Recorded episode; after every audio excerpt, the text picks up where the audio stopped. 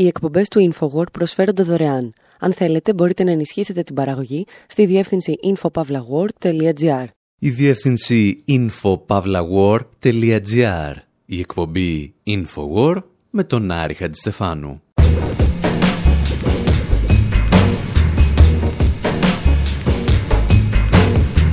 Όπου σήμερα θυμόμαστε τον Hemingway και ορισμένους όχι και τόσο επιτυχημένους συναδέλφους του στη δημοσιογραφία.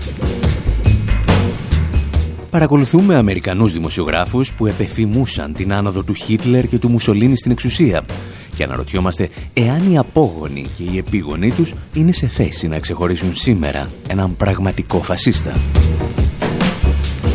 Ουσιαστικά δηλαδή μεταφέρουμε στο ραδιόφωνο μερικές σκέψεις που μοιραστήκαμε στο αντιφασιστικό φεστιβάλ Παύλος Φίσας για τα μέσα ενημέρωσης και το φασισμό. Και ύστερα θυμόμαστε πως όταν στήσεις ένα δικαστήριο σαν αυτό της Νιρεμβέργης, καλό είναι να στέλνεις και μερικούς εκδότες, επιχειρηματίες και επιστήμονες προς παραδειγματισμό των υπολείπων.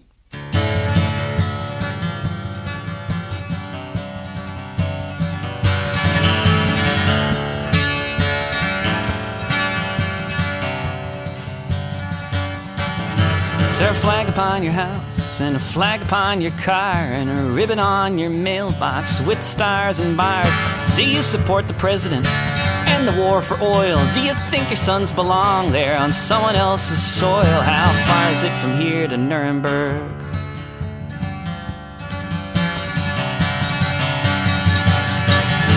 Did you hear about Fallujah and the hundred thousand dead? Did you hear about the torture in the newspapers you read? Did you pretend it didn't matter? Did you blame a few bad men? Did you think your leaders wouldn't just do it all again? How far is it from here to Nuremberg? Roger, peace one. Hit him. Did you design the software that ran the engine and the tank? Or were you pushing papers at Citibank? Were you in Seattle turning bombers into gold? Or did you pull the trigger cause you did what you were told? How far is it from here to Nuremberg? Ο David Ρόβιξ αναρωτιέται πόσο απέχει η Νιρεμβέργη. Ζητά ένα νέο διεθνές δικαστήριο, αυτή τη φορά για τα εγκλήματα των Ηνωμένων Πολιτειών. Ο Ρόβιτς τραγουδά για τον πόλεμο στο Ιράκ και αναζητά τους δικούς του εγκληματίες πολέμου εκεί που δεν το περιμένεις. Στους προγραμματιστές, λέει, που έφτιαξαν το λογισμικό που χρησιμοποιούν τα άρματα μάχης για να βομβαρδίζουν τη Φαλούτζα. Στους υπαλλήλους της Citibank που κάνουν τη λογιστική δουλειά ενός πολέμου. Αλλά και στους φορολογούμενους που γνωρίζουν ότι τα χρήματά τους κατευθύνονται στην κατασκευή όπλων τα οποία σκοτώνουν γυναίκες και παιδιά. Και αυτό είναι ίσως το πραγματικό νόημα της δίκης της Νιρεμβέργης, το οποίο επιμένουμε να ξεχνάμε. Στη βασική διαδικασία, αλλά και στις συμπληρωματικές δίκες που ακολούθησαν, δεν έκατσαν στο εδόλιο μόνο πολιτικοί και στρατηγοί, αλλά και επιχειρηματίες, επιστήμονες και δημοσιογράφοι. Όπως αυτός εδώ ο κύριος, ο Τζούλιος Στράικερ, ο οποίος ακούει στοικά τον δικαστή Σερ Τζέφρι Λόρενς να ανακοινώνει την απόφαση του δικαστηρίου. Κατηγορούμενε Τζούλιο Στράικερ, βάσει το κατηγορητήριο με το οποίο έχετε καταδικαστεί, το δικαστήριο σε επιβάλλει την ποινή του θανάτου διαπαχωνισμού.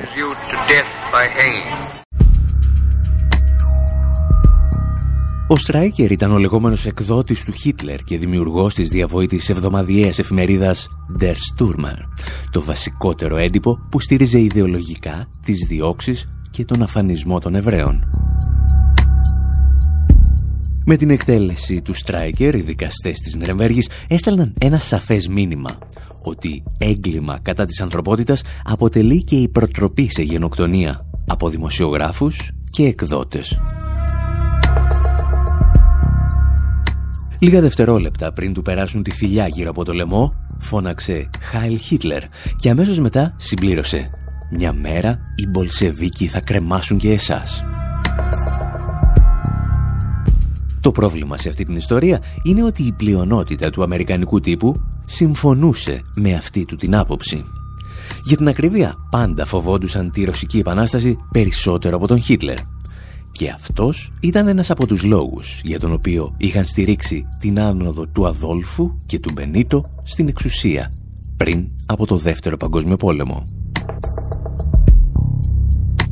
Ιστορίες να έχουμε να λέμε ύστερα από αυτό.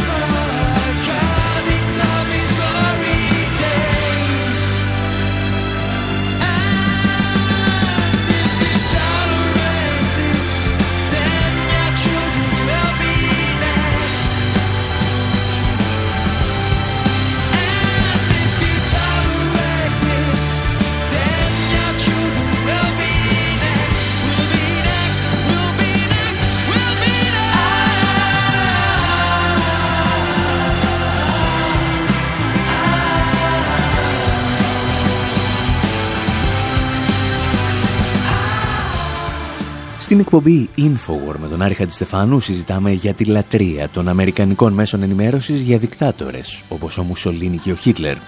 Και αρκετοί θυμούνται και πάλι αυτές τις ιστορίες θέτοντας το ερώτημα εάν οι σημερινοί δημοσιογράφοι και εκδότες είναι σε θέση να αναγνωρίσουν έναν επίδοξο δικτάτορα εάν τον δουν μπροστά τους. Το φλερτ πάντως της αμερικανικής δημοσιογραφίας με τον φασισμό θα ξεκινήσει από τα πρώτα χρόνια της δημιουργίας του, με τον Μπενίτο Μουσολίνη. Από το 1925 έως το 1932, ο Μουσολίνη παρουσιάζεται στο αμερικανικό κοινό μέσα από 150 κείμενα σε εφημερίδες και περιοδικά. Στην πλειονότητά τους, διθυραμβικά, θετικά ή ουδέτερα. Σχεδόν ποτέ δηλαδή δεν ασκούσαν κριτική. Ο Μουσολίνη έσωσε την Ιταλία από την αριστερά και ανέστησε την οικονομία, έγραφαν εφημερίδες όπως η Chicago Tribune και η New York Tribune. Όσο για τους New York Times υποστήριζαν ότι επανέφερε στην Ιταλία την κανονικότητα. Ξέρετε, το Άγιο Δισκοπότηρο κάθε φασίστα νοικοκυρέου. Το γεγονός ότι τα τάγματα εφόδου του Μουσολίνη τραμπούκιζαν και δολοφονούσαν εργάτες και συνδικαλιστές για λογαριασμό μεγάλων βιομηχάνων ήδη από τις αρχές της δεκαετίας του 20 πέρασε μάλλον απαρατήρητο στον Αμερικανικό τύπο. Ο Μουσολίνη είναι ελαφρώς σκληρός στις μεθόδους του. Ήταν το μόνο που βρήκαν να πούν οι περισσότεροι δημοσιογράφοι. Και το θέμα έκλεινε πάντα κάπου εκεί. Προφανώς οι Αμερικανοί δημοσιογράφοι δεν ήταν οι μόνοι που λάτρεψαν τον Μουσολίνη. Όπως εξηγεί ο καθηγητής ιστορίας Σπύρος Μαρκέτος στο βιβλίο του «Πώς φίλησα τον Μουσολίνη», ο Ιταλός δικτάτορας ήταν ένα ίνδαλμα στην Ελλάδα τόσο για τους φίλους του Βενιζέλου όσο και για τους αντιπάλους του. Τον ακούμε από την αντιφασιστική εγκυκλοπαίδεια που μπορείτε να βρείτε στη διεύθυνση info.pavlawar.gr Από τον κορμό της πολιτικής ζωής δεν υπάρχει κανένας που να μιλάει κατά του Μουσολίνη και σχεδόν όλοι από το Βενιζέλο και κάτω δηλώνουν θαυμαστές του. Όχι μόνο στο βενιζελικό στρατόπεδο που ο ίδιος ο Βενιζέλος αλλά και ο, ο υπαρχηγός του ο Μιχαλακόπουλος, πολιτικός από την Πάτρε που είχε πολύ στενές σχέσεις με την Ιταλία αλλά το ίδιο και στο βασιλικό στρατόπεδο όπου όλοι πρακτικά δηλώνουν θαυμαστές του Ιταλικού φασισμού ευθύς εξ αρχής και μέχρι το τέλος και αν θέλετε, στις εφημερίδες της εποχής, κοιτάζοντας και τις συντηρητικές, αλλά και τις ε, κεντρώες. Ε, το, τα αθηναϊκά νέα, όπως λέγονταν τότε τα νέα, το ελεύθερο βήμα, όπως λέγονταν τότε το βήμα, υπάρχει ομόθυμη αγάπη για τον Μουσολίνη, πιο μετριασμένα συναισθήματα για τον Χίτλερ. Λατρεία λοιπόν για τον Μουσολίνη στην Ελλάδα, λατρεία και στις Ηνωμένες Πολιτείες. Και όπως έγραψε πρόσφατα η Ισραηλινή εφημερίδα Haaretz, λατρεία συναντούσαμε ανάμεσα στους κορυφαίους Εβραίους δημοσιογράφους και πολιτικούς, που σύντομα θα έπαιρναν θέσεις κλειδιά στο νεοσύστατο κράτος του Ισραήλ. Μιλούσαν για τον Μουσολίνη αλλά και για τον Χίτλερ, με τα καλύτερα λόγια.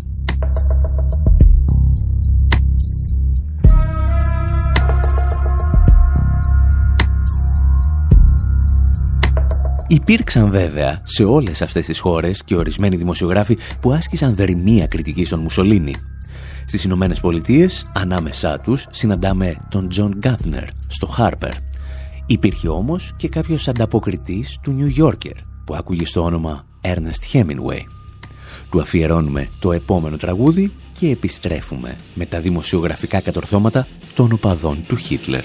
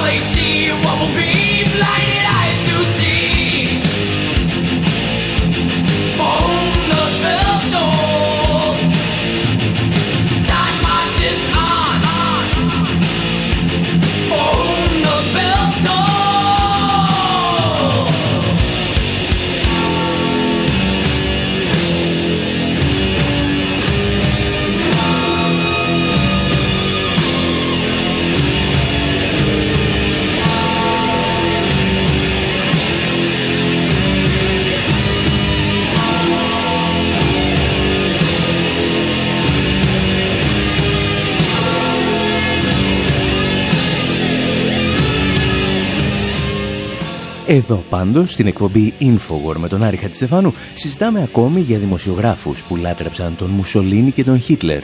Υπάρχουν όμως και ιστορίες για ανθρώπους που υποτίμησαν τον Χίτλερ και τον Μουσολίνη. Δημοσιογράφους δηλαδή με καλές προθέσεις, αλλά στην τελική ανάλυση εξίσου επικίνδυνους.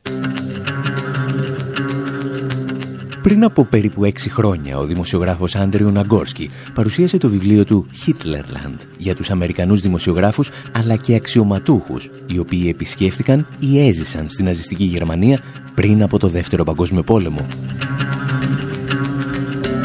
Αν και ο ίδιος προσπαθεί να είναι ευγενικός, το βιβλίο του δείχνει μια τραγική εικόνα ανθρώπων που ανέχτηκαν ή στήριξαν ανοιχτά τον Αδόλφο Χίτλερ. Μία από τις μεγαλύτερες δημοσιογραφικές αποτυχίες, εξηγεί ο Ναγκόρσκι, ανήκει στην περίφημη ανταποκρίτρια Dorothy Thompson, η οποία γνώρισε μάλιστα από κοντά τον Χίτλερ. Dorothy Thompson, the renowned American woman correspondent of that era, η Ντόροφι Τόμψον, η διάσημη Αμερικανίδα ανταποκρίτρια εκείνης της εποχής, πάει να πάρει συνέντευξη από τον Χίτλερ στα τέλη του 1931, όταν το κόμμα του σημείωνε άνοδο και όλοι περίμεναν να πάρει την εξουσία. Του παίρνει συνέντευξη και στην πρώτη γραμμή του άρθρου της γράφει: Περίμενα να συναντήσουν τον μελλοντικό δικτάτορα της Γερμανίας. Σε 50 δευτερόλεπτα κατάλαβα πως αυτό δεν θα γινόταν γιατί ήταν την εκπληκτική ασημαντότητα αυτού του ανθρώπου. Η ίδια συνεχίζει λέγοντας ότι ήταν περίεργος χαρακτήρας και κάπως ελληπρεπή, κάτι που πολλοί Αμερικάνοι είχαν σχολιάσει. Καταλήγει ότι ήταν μάλλον αδύναμος για να ορθώσει το ανάστημά του απέναντι στους σοβαρούς πολιτικούς της Γερμανίας.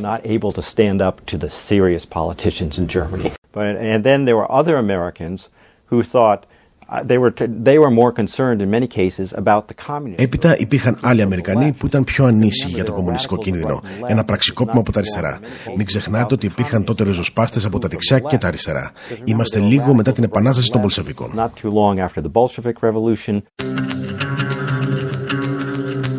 Η Σοβιετική Ένωση λοιπόν αποτελούσε πριν αλλά και μετά το Δεύτερο Παγκόσμιο Πόλεμο μεγαλύτερη απειλή για το αμερικανικό κατεστημένο σε σχέση με το φασισμό και τον ναζισμό του Χίτλερ. Ο Χίτλερ προφανώς ήταν ένας άνθρωπος με τον οποίο θεωρητικά τουλάχιστον θα μπορούσαν να συνεργαστούν.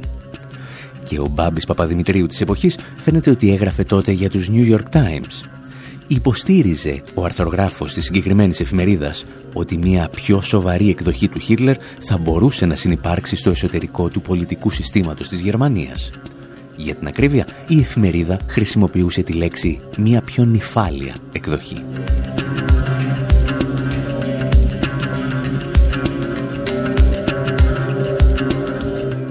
Τα αμερικανικά μέσα ενημέρωσης λοιπόν, αλλά και το State Department αγνοούν τις προειδοποιήσεις των ελάχιστων ανταποκριτών και αξιωματούχων που στέλνουν την πραγματική εικόνα που επικρατεί στο εσωτερικό της ναζιστικής Γερμανίας.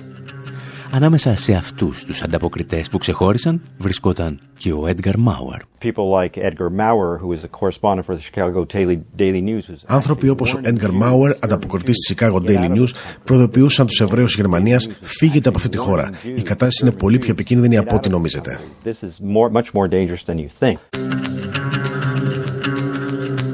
Εδώ ο Ναγκόρσκι λέει την μισή αλήθεια, γιατί παραλείπει τα σημαντικότερα στοιχεία στην πορεία του Μάουερ. Όταν ο διάσημος ανταποκριτής συνέκρινε την ναζιστική Γερμανία με ένα άσυλο ανιάτων, το Γερμανικό Υπουργείο Εξωτερικών επικοινώνησε με το State Department και τους εξήγησε ότι καλό θα ήταν να τον μαζέψουν σιγά σιγά. Και ο άνθρωπος που ανέλαβε να το κάνει ήταν ο Άλεν ο μετέπειτα διευθυντής της CIA. Και σε αυτήν την περίπτωση βέβαια, όπως και στην περίπτωση του Μουσολίνη, οι Αμερικανοί δημοσιογράφοι δεν ήταν οι μόνοι που δεν ήθελαν να ασκήσουν κριτική στον Χίτλερ.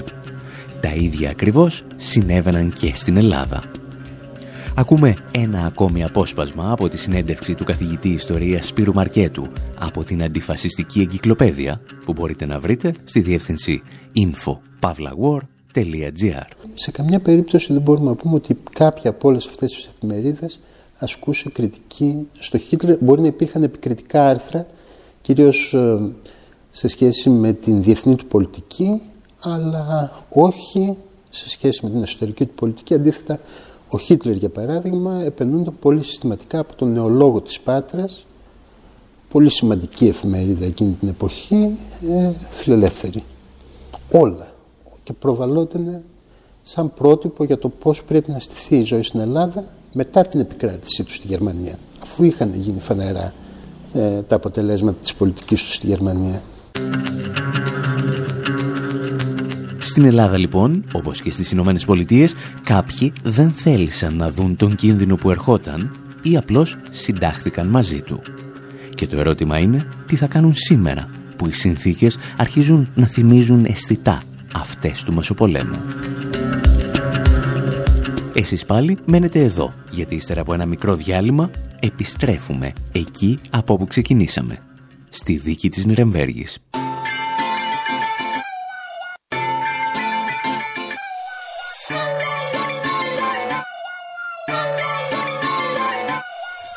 Έγινε ο κόσμος μια μεγάλη φυλακή. Και εγώ ψάχνω έναν τρόπο τα δεσμά να σπάσω. Έχω ένα μέρος που με περιμένει εκεί. Σε μια πολύ ψηλή κορφή πρέπει να φτάσω. Γι' αυτά πλώνω ξανά πολύ ψηλά τα δυο μου χέρια Για να κλέψω λίγο φως από τα λάβερα αστέρια. Δεν αντέχω εδώ κάτω και κοντεύει να με πλήξει Των ανθρώπων η μιζέρια τόσο όσο και η θλίψη Δεν αντέχω. Άλλο κι όλοι αυτοί δεν μου ταιριάξαν. Πήρα τ' άλλο μονοπάτι και όχι αυτό που μου χαράξαν. Ήταν δύσβατο σκληρό και με παγίδες πολλές. Αγάπες, κάρτες και φίλοι, φαρμάκερες οχές Είχε τέρατα με παράξενες στολές που παράμονευαν πάντοτε κρυφά μες στις σκιές. Μην κοντοσταθείς, αν πρόκειται να ακολουθήσεις. Τα δόντια σφίξε γερά και μη δακρύσεις. Εγώ το πήγα και το έφτασα στο τέρμα Και όπως γράφουν στα βιβλία οι παλιοί σοφοί όταν θα φτάσει Ο ήλιος στο τελευταίο γέρμα θα βάλουνε φωτιά από ψηλά οι αετοί. Για σους με πρόδωσαν με πίσω μαχαιριές θέλω να ξέρουν ότι Σιγάνι κάψου Και για αυτές τις αγάπες τις παλιές θέλω να ξέρουν ότι Σιγάνι κάψου Κι όσοι μ' απειλήσαν με πύρινα δεσμά θέλω να ξέρουν ότι Σιγάνι φοβηθώ Να έρθουνε να με βρουν στην κορυφή ψηλά τους περιμένω και Σιγάνι φοβηθώ Μου είπα να μην κάνω όνειρα τρελά να μην τολμήσω να κοιτάξω τα αστέρια. Μα εγώ ποτέ μου δεν τους πήρα σοβαρά Πήρα τον κόσμο ολοκληρώ στα δυο μου χέρια.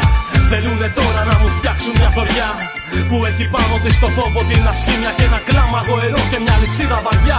Κουβαλάει την κατάρα των θεών και την πλαστήμια. Δεν θα δακρύσω μάται και θα φοβηθώ. Δεν θα αφήσω να μου κλέψουν τα όνειρά μου ελευθερά ψηλά. Πολύ ψηλά πετώ Κι όλοι ζηλεύουν τα περήφανα κι με τα φτερά μου.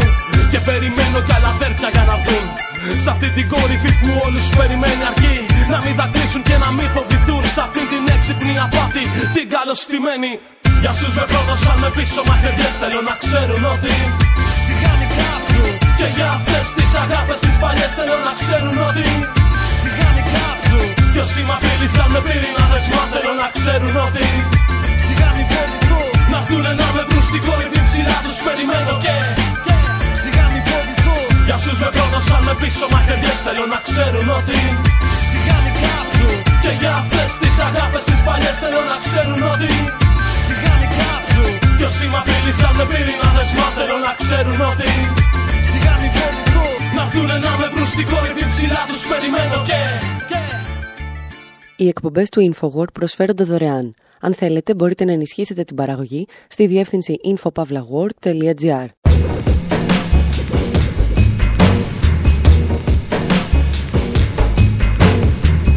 Εκπομπή Infowar, μέρος δεύτερο. Στο πρώτο μέρος διαισθανθήκαμε την ανάγκη ανθρώπων από όλο τον κόσμο να στήσουν νέα δικαστήρια για να δικάσουν νέους εγκληματίες πολέμου.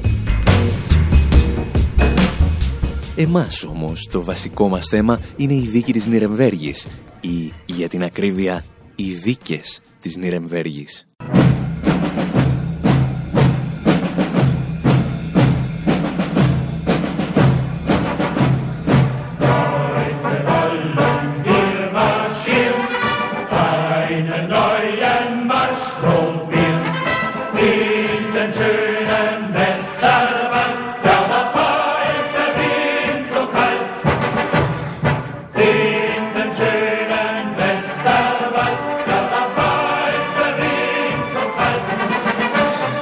Μουσική που ακούτε μας έρχεται από το soundtrack της ταινίας «Η δίκη της Νιρεμβέργης» του 1961. Μια ταινία η οποία αποφάσισε να ασχοληθεί με ένα ελαφρώς περίεργο θέμα.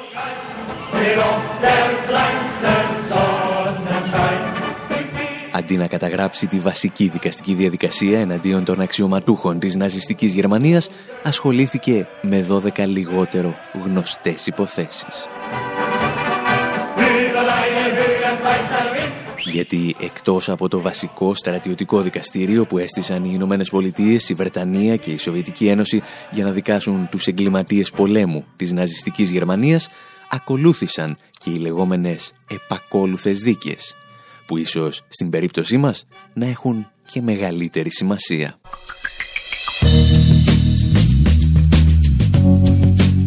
Στις 12 επακόλουθες δίκες έκατσαν στο σκαμνί και απλοί άνθρωποι που με τις πράξεις και τις παραλήψεις τους ενίσχυσαν ένα από τα μεγαλύτερα εγκλήματα στην ιστορία της ανθρωπότητας. Δικάστηκαν γιατροί και το προσωπικό που συνεργάστηκε με το ναζιστικό καθεστώς πραγματοποιώντας πειράματα σε ανθρώπους. Δικάστηκαν όμως και δικαστές που επίσης αθέτησαν τους όρκους τους στη δικαιοσύνη και έθεσαν τους εαυτούς τους στην υπηρεσία των εγκληματιών πολέμου. Τηρουμένων των αναλογιών, θα έπρεπε δηλαδή στην Ελλάδα του 2013 να αναζητήσουμε ευθύνες σε γιατρούς και νοσηλευτικό προσωπικό που δέχθηκε να λαμβάνει αίμα μόνο για Έλληνες, για λογαριασμό των νέων ναζιστών της χρυσής Αυγής.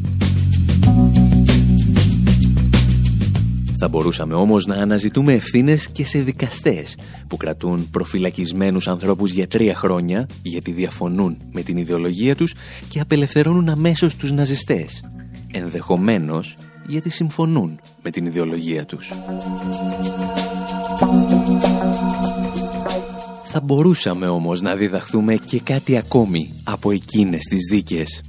Ανάμεσα στους ανθρώπους που δικάστηκαν και τελικά εκτελέστηκαν ήταν και ένας εκδότης, ο Τζούλιους Στράιχερ, ο οποίος με τις εφημερίδες και τα έντυπα που εξέδιδε βοήθησε την άνοδο του Χίτλερ στην εξουσία. Ένα σημερινό δικαστήριο λοιπόν θα έπρεπε να εξετάσει και τις ευθύνες των εκδοτών αλλά και αρκετών δημοσιογράφων. Ένα δικαστήριο για τους ρεπόρτερ που ιστεριάζουν για την εγκληματικότητα πριν από κάθε εκλογική αναμέτρηση κατ' εντολή συγκεκριμένων αρχισυντακτών που επικοινωνούν με συγκεκριμένα πολιτικά κόμματα ένα δικαστήριο για μεγαλόσχημους δημοσιογράφους που καλούσαν στα στούντιο τους ηγέτες του νεοναζιστικού κινήματος ήδη από τη δεκαετία του 90. Ένα δικαστήριο για τις νέες τηλεπερσόνες που έδιναν το λόγο σε φασίστες και έπιναν νερό στο όνομα του ναζισμού ή τουλάχιστον σε κούπες με τα σύμβολα του ναζισμού. Όσο εσείς όμως θα ετοιμάζετε το κατηγορητήριο ενός τέτοιου υποθετικού δικαστηρίου, εμείς θα επιστρέψουμε στις 12 επακόλουθες δίκες που πραγματοποιήθηκαν στην Ιρεμβέργη μετά το τέλος του Δευτέρου Παγκοσμίου Πολέμου. Και αυτές που μας ενδιαφέρουν σήμερα είναι οι δίκες των επιχειρηματιών που στήριξαν την άνοδο του ναζισμού στη Γερμανία. Αφού μιλάμε όμως για εγκλήματα πολέμου και επειδή αυτά δεν αφορούν μόνο τη Γερμανία, θα κάνουμε ένα μικρό διάλειμμα με τους Dresden Dolls, τις κούκλες της Δρέσδης, της πόλης που ισοπαίδωσαν οι σύμμαχοι με 1250 βομβαρδισμούς και 25.000 νεκρούς. Είναι εκείνη η μουσική στιγμή όπου η πανκ σκηνή συναντά τις μουσικές φόρμες του Μπρέχτ ή τουλάχιστον έτσι θέλουν να πιστεύουμε οι κούκλες της Δρέστης.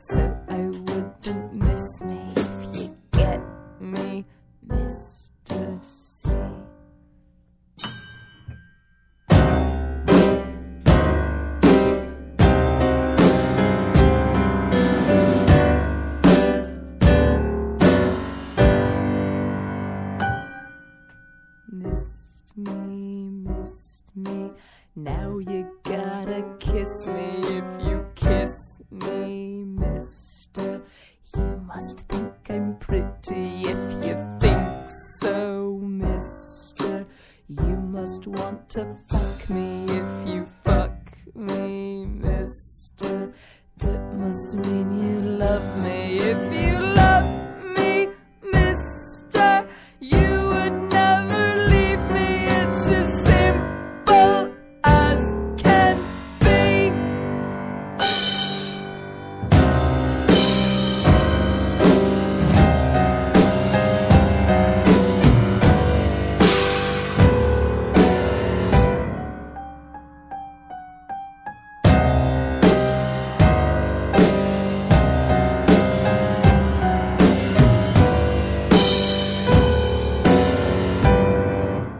Στην εκπομπή Infowar με τον Άρη Χατζηστεφάνου στο μικρόφωνο και τον Δημήτρη Σταθόπουλο στη σύνδεση μουσικών, ήχων και λόγου συζητάμε για 12 όχι και τόσο γνωστές δίκες της Νιρεμβέργης. Στις λεγόμενες 12 επακόλουθες δίκες έκατσαν στο σκαμνί και ορισμένοι από τους μεγαλύτερους Γερμανούς επιχειρηματίες, οι οποίοι στήριξαν οικονομικά, εξόπλισαν και εποφελήθηκαν από την άνοδο του φασισμού. Κάτι σαν να αναζητήσει σήμερα κανείς τους εφοπλιστές που όπως προκύπτει από διαρροές των μυστικών υπηρεσιών χρηματοδοτούσαν και βοηθούσαν το νεοναζιστικό μόρφωμα της Χρυσής Αυγής.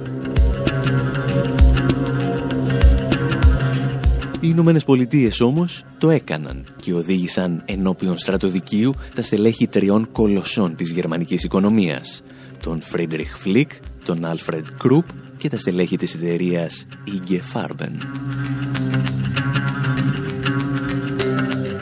Ο Φλικ είναι ο πρώτος που θα καθίσει στο εδώλιο. Κατηγορείται μεταξύ άλλων ότι χρησιμοποιούσε αιχμαλώτους σαν σκλάβους για τις επιχειρήσεις του και ότι ανήκε στον βασικό πυρήνα των βιομηχάνων που χρηματοδότησαν το κόμμα του Χίτλερ πριν καταλάβει την εξουσία. Γιατί, όπως έχουμε βαρεθεί να επαναλαμβάνουμε, κανένα φασιστικό κόμμα δεν ήρθε στην εξουσία χωρίς τη στήριξη της εκάστοτε οικονομικής ελίτ. A mark, a yen, a buck, or a pound, a buck, or a pound, a buck, or a pound is all that makes the world go round. That clinking, clanking sound can make the world go round.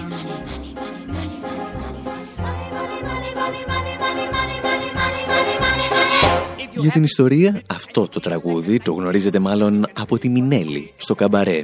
Εμείς όμως προτιμάμε πάντα την πολύ πιο σκοτεινή εκτέλεση του Alan Cumming από το λιγότερο μακρινό 1998. And you've grown quite a lot. You can take it on the chin, go to cab and begin to recover on your 14 carat yacht. Money makes the world go around, the world go around, the world go around. Money makes the world go around, of that we can be sure. I'm being poor. Money, money, money, money, money, money, money, money, money, money, money, money, money, money,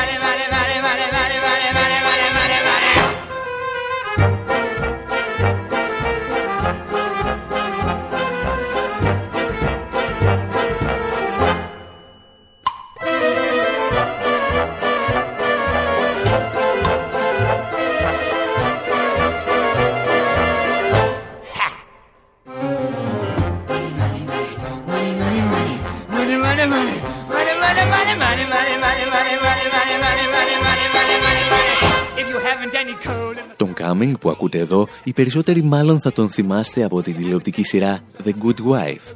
Πρόκειται όμως για έναν πολύ δυνατό ηθοποιό που δοκιμάστηκε στην όπερα της Πεντάρας του Μπρέχτ, αλλά και στον τυχαίο θάνατο ενός αναρχικού, του Ντάριο Φω. At the window. Who's there? Hunger! Ugh, hunger. See how love flies out the door. For money makes the world. Go round. The world. Go round. The world. Και ενώ ο Κάμινγκ μας επιστρέφει για λίγο στα καμπαρέ της Δημοκρατίας της Βαϊμάρης, εμείς παραμένουμε χρονολογικά στο 1947, όταν στο εδόλιο των ειδικών στρατοδικείων της Νιρεμβέργης κάθονται πλέον τα διευθυντικά στελέχη του ομίλου χημικών εταιριών Ige Farben.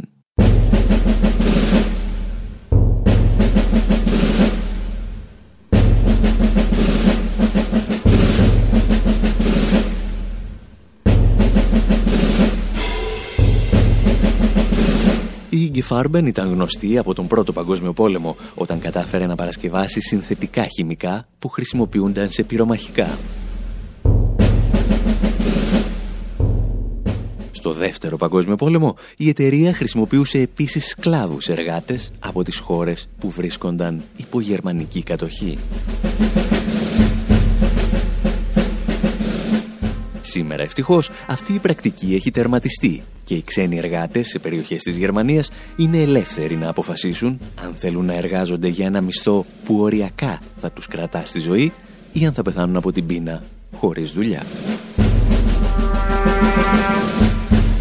Όπως συμβαίνει λόγου χάρη στο εργοτάξιο που λειτουργεί αυτές τις μέρες στη Φραγκφούρτη, οικοδομώντας τα νέα γραφεία της Ευρωπαϊκής Κεντρικής Τράπεζας. Για να επιστρέψουμε όμως στις δίκες της Νιρεμβέργης, η βασική κατηγορία εναντίον της Ίγκε Φάρμπεν ήταν ότι παρασκεύαζε το Ζικλον Β, το εντομοκτόνο που χρησιμοποιήθηκε στους θαλάμους αερίων στα στρατόπεδα συγκέντρωσης. Βιομηχανική παραγωγή έβρισκε για πρώτη φορά στην ιστορία εφαρμογή στη μαζική εξόντωση ανθρώπων. Για την ιστορία βέβαια, το ίδιο χημικό είχαν χρησιμοποιήσει πρώτες οι Ηνωμένες Πολιτείες για να απολυμμένουν, όπως έλεγαν, τα τρένα που μετέφεραν Μεξικανούς μετανάστες.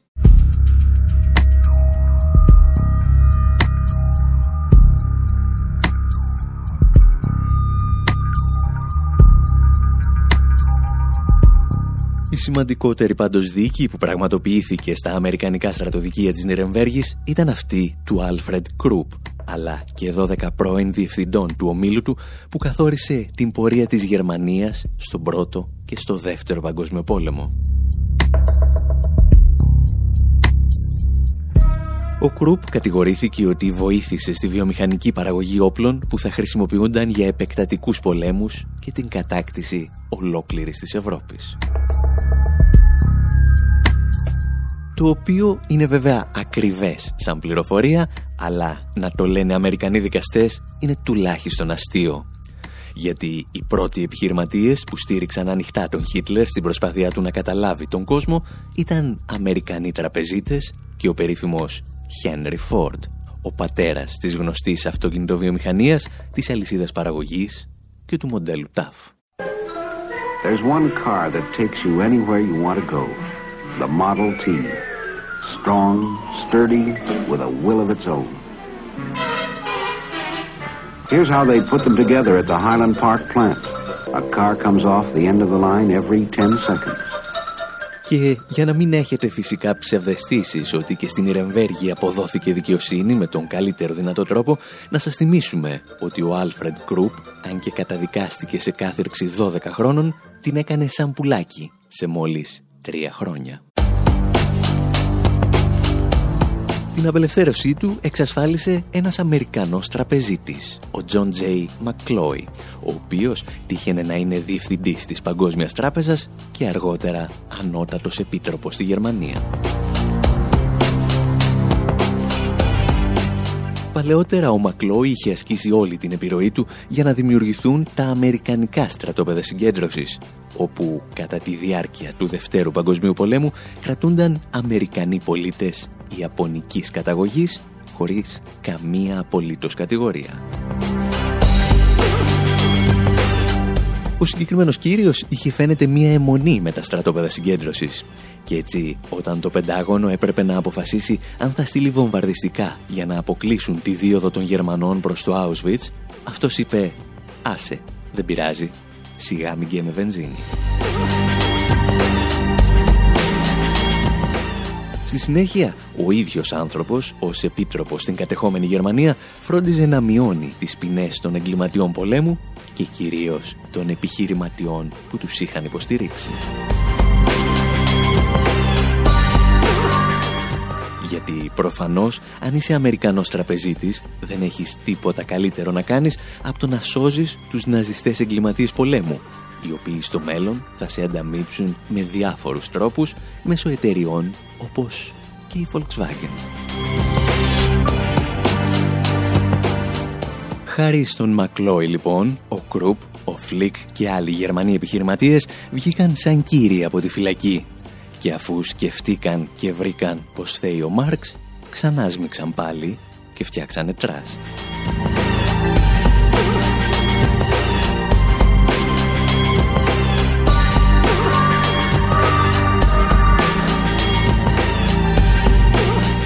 Κάπου εδώ όμως θα σας αφήσουμε και για αυτή την εβδομάδα.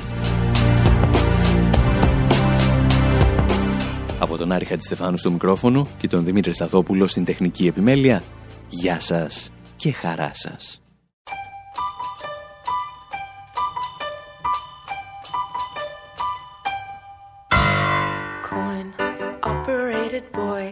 Sitting shelf, he is just a toy. But I